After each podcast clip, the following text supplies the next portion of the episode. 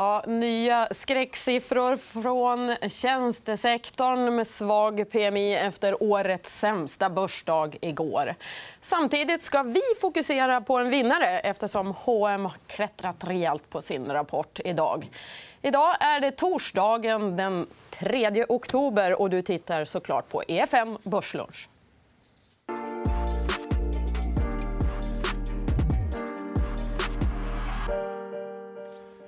Ja, kanske lite av ett överraskande rally mot bakgrund av årets väldigt starka uppgång i hm aktien Det här ska vi prata mycket om idag. Det gör vi tillsammans med Per Andersson och Daniel Zetterberg. Varmt välkomna. Daniel här för första gången. Kort, ditt tre sekunders case på hm rapporten Eh, nej, men det var första gången på typ två år tror jag, som man lägger fram en rörelsemarginal som var bättre än förra året. Mm. Så att, eh... Ja. Ja, men tummen upp ändå. Alltså. Yes. Vi ska som sagt snacka mycket mer om det. Men jag vill börja med att ta temperaturen på Per. här. Vi fick tjänste-PMI idag. Vi ska inte gå in i detalj på den. men i förrgår fick vi eh, industri, tillverkande industris PMI. Eh, först i Sverige, sen i USA. Och igår hade vi årets sämsta börsdag. Det finns ju en påfallande makrooro där ute. Definitivt. Och nu är vi under det här eh, viktiga 50-strecket. Så vi har en, en konjunkturavmattning inför dörren. Eh, det är ingen tvekan om det. Det har tagit lång tid. Börsen har gått starkt, men nu tror jag att det börjar komma. Här, faktiskt. Mm. Är det nu det vänder? Ja, det finns en stor risk för det. faktiskt. Att, eh, det kommer. Och det kommer också Q3-rapporter som kan visa på avmattningen i rapporten. också. En tuff rapportperiod framför oss. Alltså. Det finns en stor risk. Faktiskt. Mm. Mm. Men då får vi glädjas åt det positiva medan vi har nåt kvar att glädjas åt. Och det är förstås H&M. Vi ska börja med att titta på H&M i jämförelse med de andra modebolagen på Stockholmsbörsen. Det är ju liksom katastrof och eh, bränder och eh, värdeförstörelse i nästan, nästan överallt var man än tittar. Imponerande ändå att H&M ändå levererar någon slags uppgång i det här. Vad kan man säga om sektorn? sektorn är, eh, är ju under, under press. Det är ingen tvekan. För det är e-handeln. Eh, och att H&M har klarat sig så pass bra nu är väl delvis rapporten men också att eh, de har investerat väldigt mycket inom it-sidan i företaget. Mm. Börjar man få ordning på e-handeln på allvar nu? Då? Ja, det tror jag att man får. Men de har ju, det är en lång resa att gå detta. Mm. Men, men jag tror att de, de är nog på rätt väg. Mm. På rätt väg är de på börsen. i alla fall. Ska vi ta en kursgraf för utvecklingen i år? Eh, det här är lite roligt. Ni har båda i olika forum uttryckt er eh, tveksamhet inför hm aktien just på grund av att den här resan har varit så otroligt stark. Vad säger du om det, Daniel? Nej, men det känns som att börsen har tagit ut väldigt mycket förskott här. Och, eh, Eh, den här rapporten var ju bra och man eh, verkar ha fått på plats en bra sommarkollektion. Eh, man har bra tillväxt. Varulagret minskar lite grann, valutajusterat. Bruttomarginalen bättre än väntat.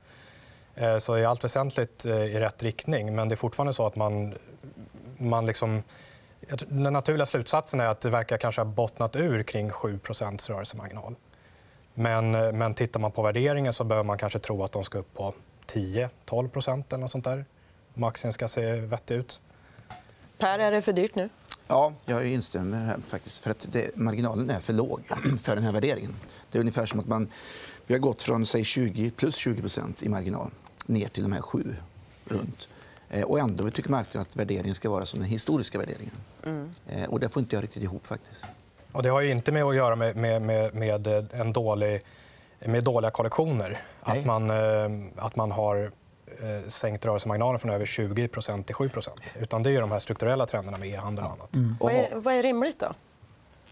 Nej, men om vi skulle de nå 10, exempelvis, vilket är ett väldigt stort steg att komma från, från de här runda 7 så är det fortfarande så att det är bara hälften av vad de har haft historiskt. Mm. Men är det realistiskt? Vi tittade på de andra klädbolagen tidigare. Är det realistiskt att titta på historien överhuvudtaget om, om spelplanen har förändrats så pass mycket som den ändå har? Man kanske ska vara tacksam över 8, 9, 10? Ja, absolut. Det tror jag. För att eh, hela den här strukturella trenden som går emot dem.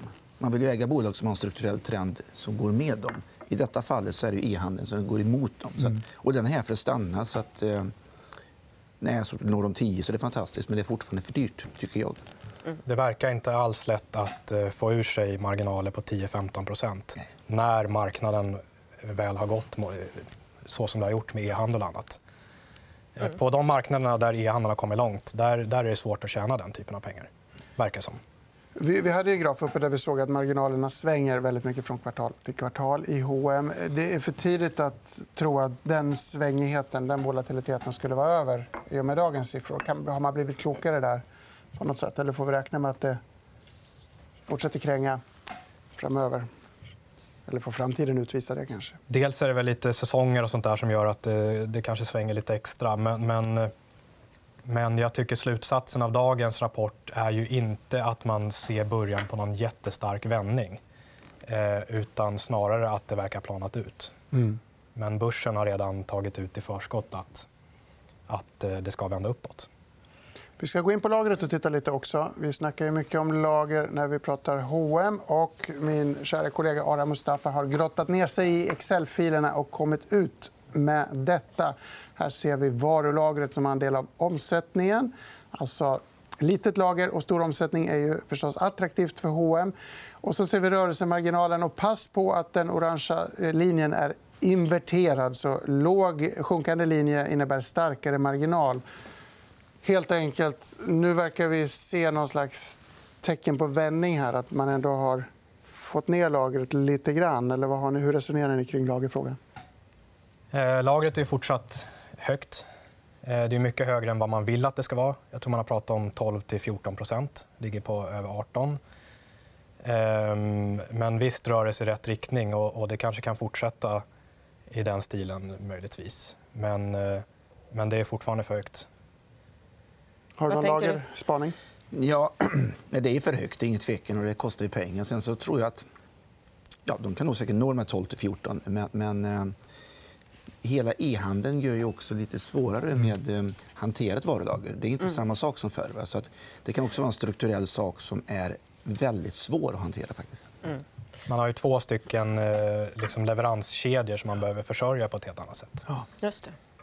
Ska vi ta och... Du hade med dig en graf där du jämför H&M Inditex ja. och Gap. Och här vill ju Gabriel bland annat varnar för starka bilder, eller hur? Ja, men här blir man ju lite, lite chockad. Du blev rädd här när vi Du kanske ska förklara grafen, Daniel. Ja, men förklaringen är som så här att eh, det här är nästan tio år tillbaka. Man ser att H&M, den blåa linjen, har gått från att tjäna över 20 de, de presterar idag sämre än vad den här amerikanska klädkedjan Gap gör. Eh, men de värderas tre gånger så högt.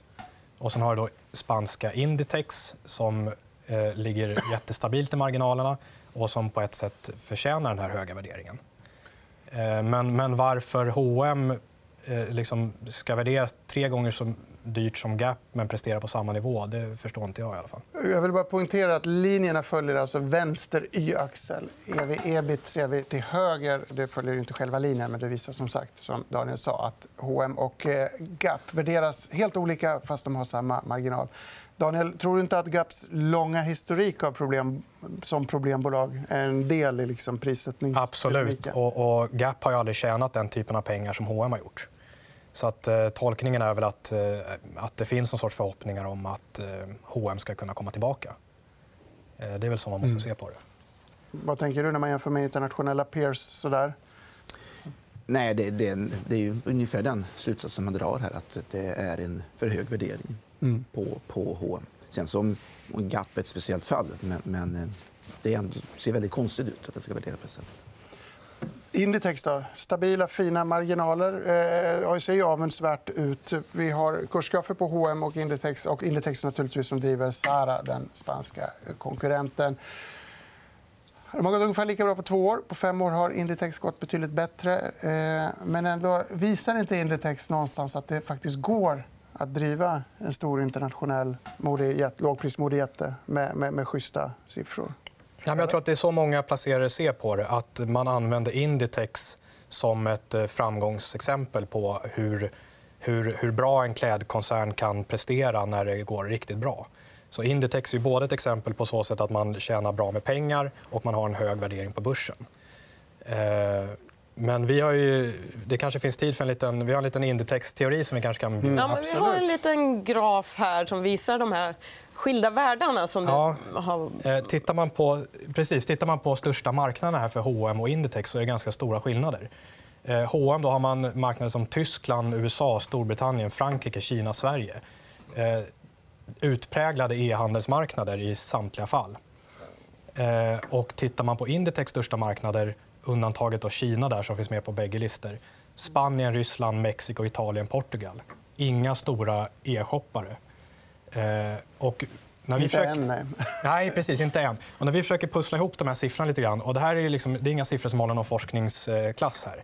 Men, men då ser vi att på H&M's största marknader så eh, är då andelen e-handel av den totala detaljhandeln eh, den är omkring 15% på de här största marknaderna. Och det här är, det är alltså, de här sex största marknaderna det är ungefär halva, det halva bolagets försäljning. Och detsamma gäller då i fallet med Inditex. Eh, och för Inditex är motsvarande siffra då på deras största marknader under 6% så att den här e-handelspenetrationen har kommit mycket, mycket, mycket kortare mm. Eh, på Inditex stora marknader än på H&M stora marknader. Och vad händer då, då med H&M Inditex Precis, som du tror kanske kommer att möta samma... Precis. Till en början kan man då fundera på är det här bra för H&M. Ja, jag vet inte, men, men, men det är åtminstone en förklaring till varför det ser ut som det har gjort i H&M. Men... Det, det låter som att vi ska blanka Inditex. Exakt. För Inditex är ju tolkningen supernegativ. Mm. Och det innebär att de har det här framför sig, sannolikt. Eh, och då är frågan vad som händer då med både H&M och Inditex eh, när man nu ser på Inditex som ett framgångsexempel som en förklaring till varför H&M ska värderas så högt. Vad händer om även Inditex skulle börja få samma problem som mm. H&M har? Eh, då, ska nog, då ska nog ingen av de här aktierna handlas till 20 gånger rörelseresultatet som de gör idag. H&M har redan gjort det arbetet. H&M har gjort arbetet, men, på... men, men, den här strukturella trenden den fortsätter ju, som du var inne på. Så att, eh, och intressant är också när man pratar om de här siffrorna att, att man brukar prata om just 10-15% e-handelspenetration som en sån här eh, kritisk gräns för när den fysiska handeln börjar få stora problem. Så dit har inte Inditex riktigt kommit än. Mm. Det blir spännande att följa. Jag gissar att du inte blankar Inditex på spiltan, men äger ni H&M? Nej, det gör vi inte. Och det, beror på de här eh, strukturella ja. motvinden och värderingen som går emot dem. Ska vi prata strukturell motvind i en annan aktie också? Vi har faktiskt fått en rapport från Skistar.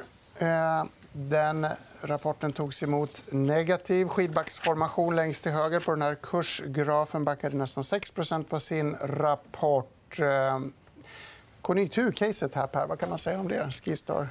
Ja, det är ju faktiskt rätt så konjunkturkänsligt eh, på grund av att om vi nu går in i en sämre konjunktur vi kan öka arbetslöshet så kommer inte i alla fall inte svenska konsumenterna åka till sportlov, sportlovsvecka. Eller åka upp.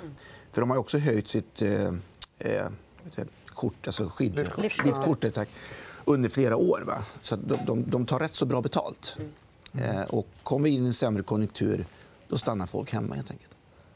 Daniel, har du hunnit kolla på Skistar-rapporten? Eh, lite grann. Jag tycker eh, det har varit en bra resa de senaste åren och det är ett hyggligt eh, år som man lägger bakom sig. Eh, nu faller den idag på rapporten, vad jag såg. Eh, tycker det är lite oförtjänt, för det är ett av deras lågsäsongskvartal. Mm. Mm. Eh, och, och det verkade mycket bero på den här exploateringsverksamheten. Så kanske att dagens eh, reaktion är lite överdriven men, men jag håller med om att det är en ganska dyr aktie givet hur konjunkturen ser ut. Kan man inte tänka att den här flygplatsen i Sälen, svaga kronan... att det här är lite bra för Skistar? Då? Eh, absolut. Man har ju... absolut, så är det. Ingen har råd att åka utomlands längre, så då kanske man åker skidor istället. Ja, man stannar hemma. Ja. Eh, nej, men det är, Skistar har varit... Eh, tittar man på siffrorna så har det varit lite av ett tillväxtbolag.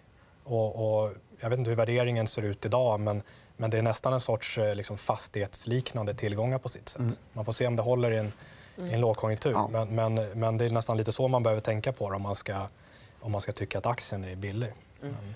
Men då tar vi med oss en kanske lite överdrivet negativ reaktion för Skistar. Om möjligen en överdrivet... Ni har svårt att se den positiva reaktionen i H&M. Aktien idag upp som mest 7 och så med de orden sätter vi punkt för idag. Imorgon kommer Micke Syding hit. Det ska bli roligt att titta på lite grafer. Han brukar vara väldigt dyster kring konjunktur och framtid. Så häng med oss då 11.45 som vanligt. Tack för oss.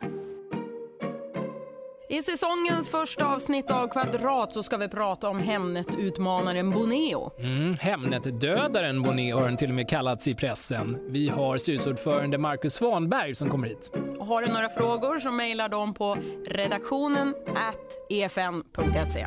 Mm, spännande, nu kör vi!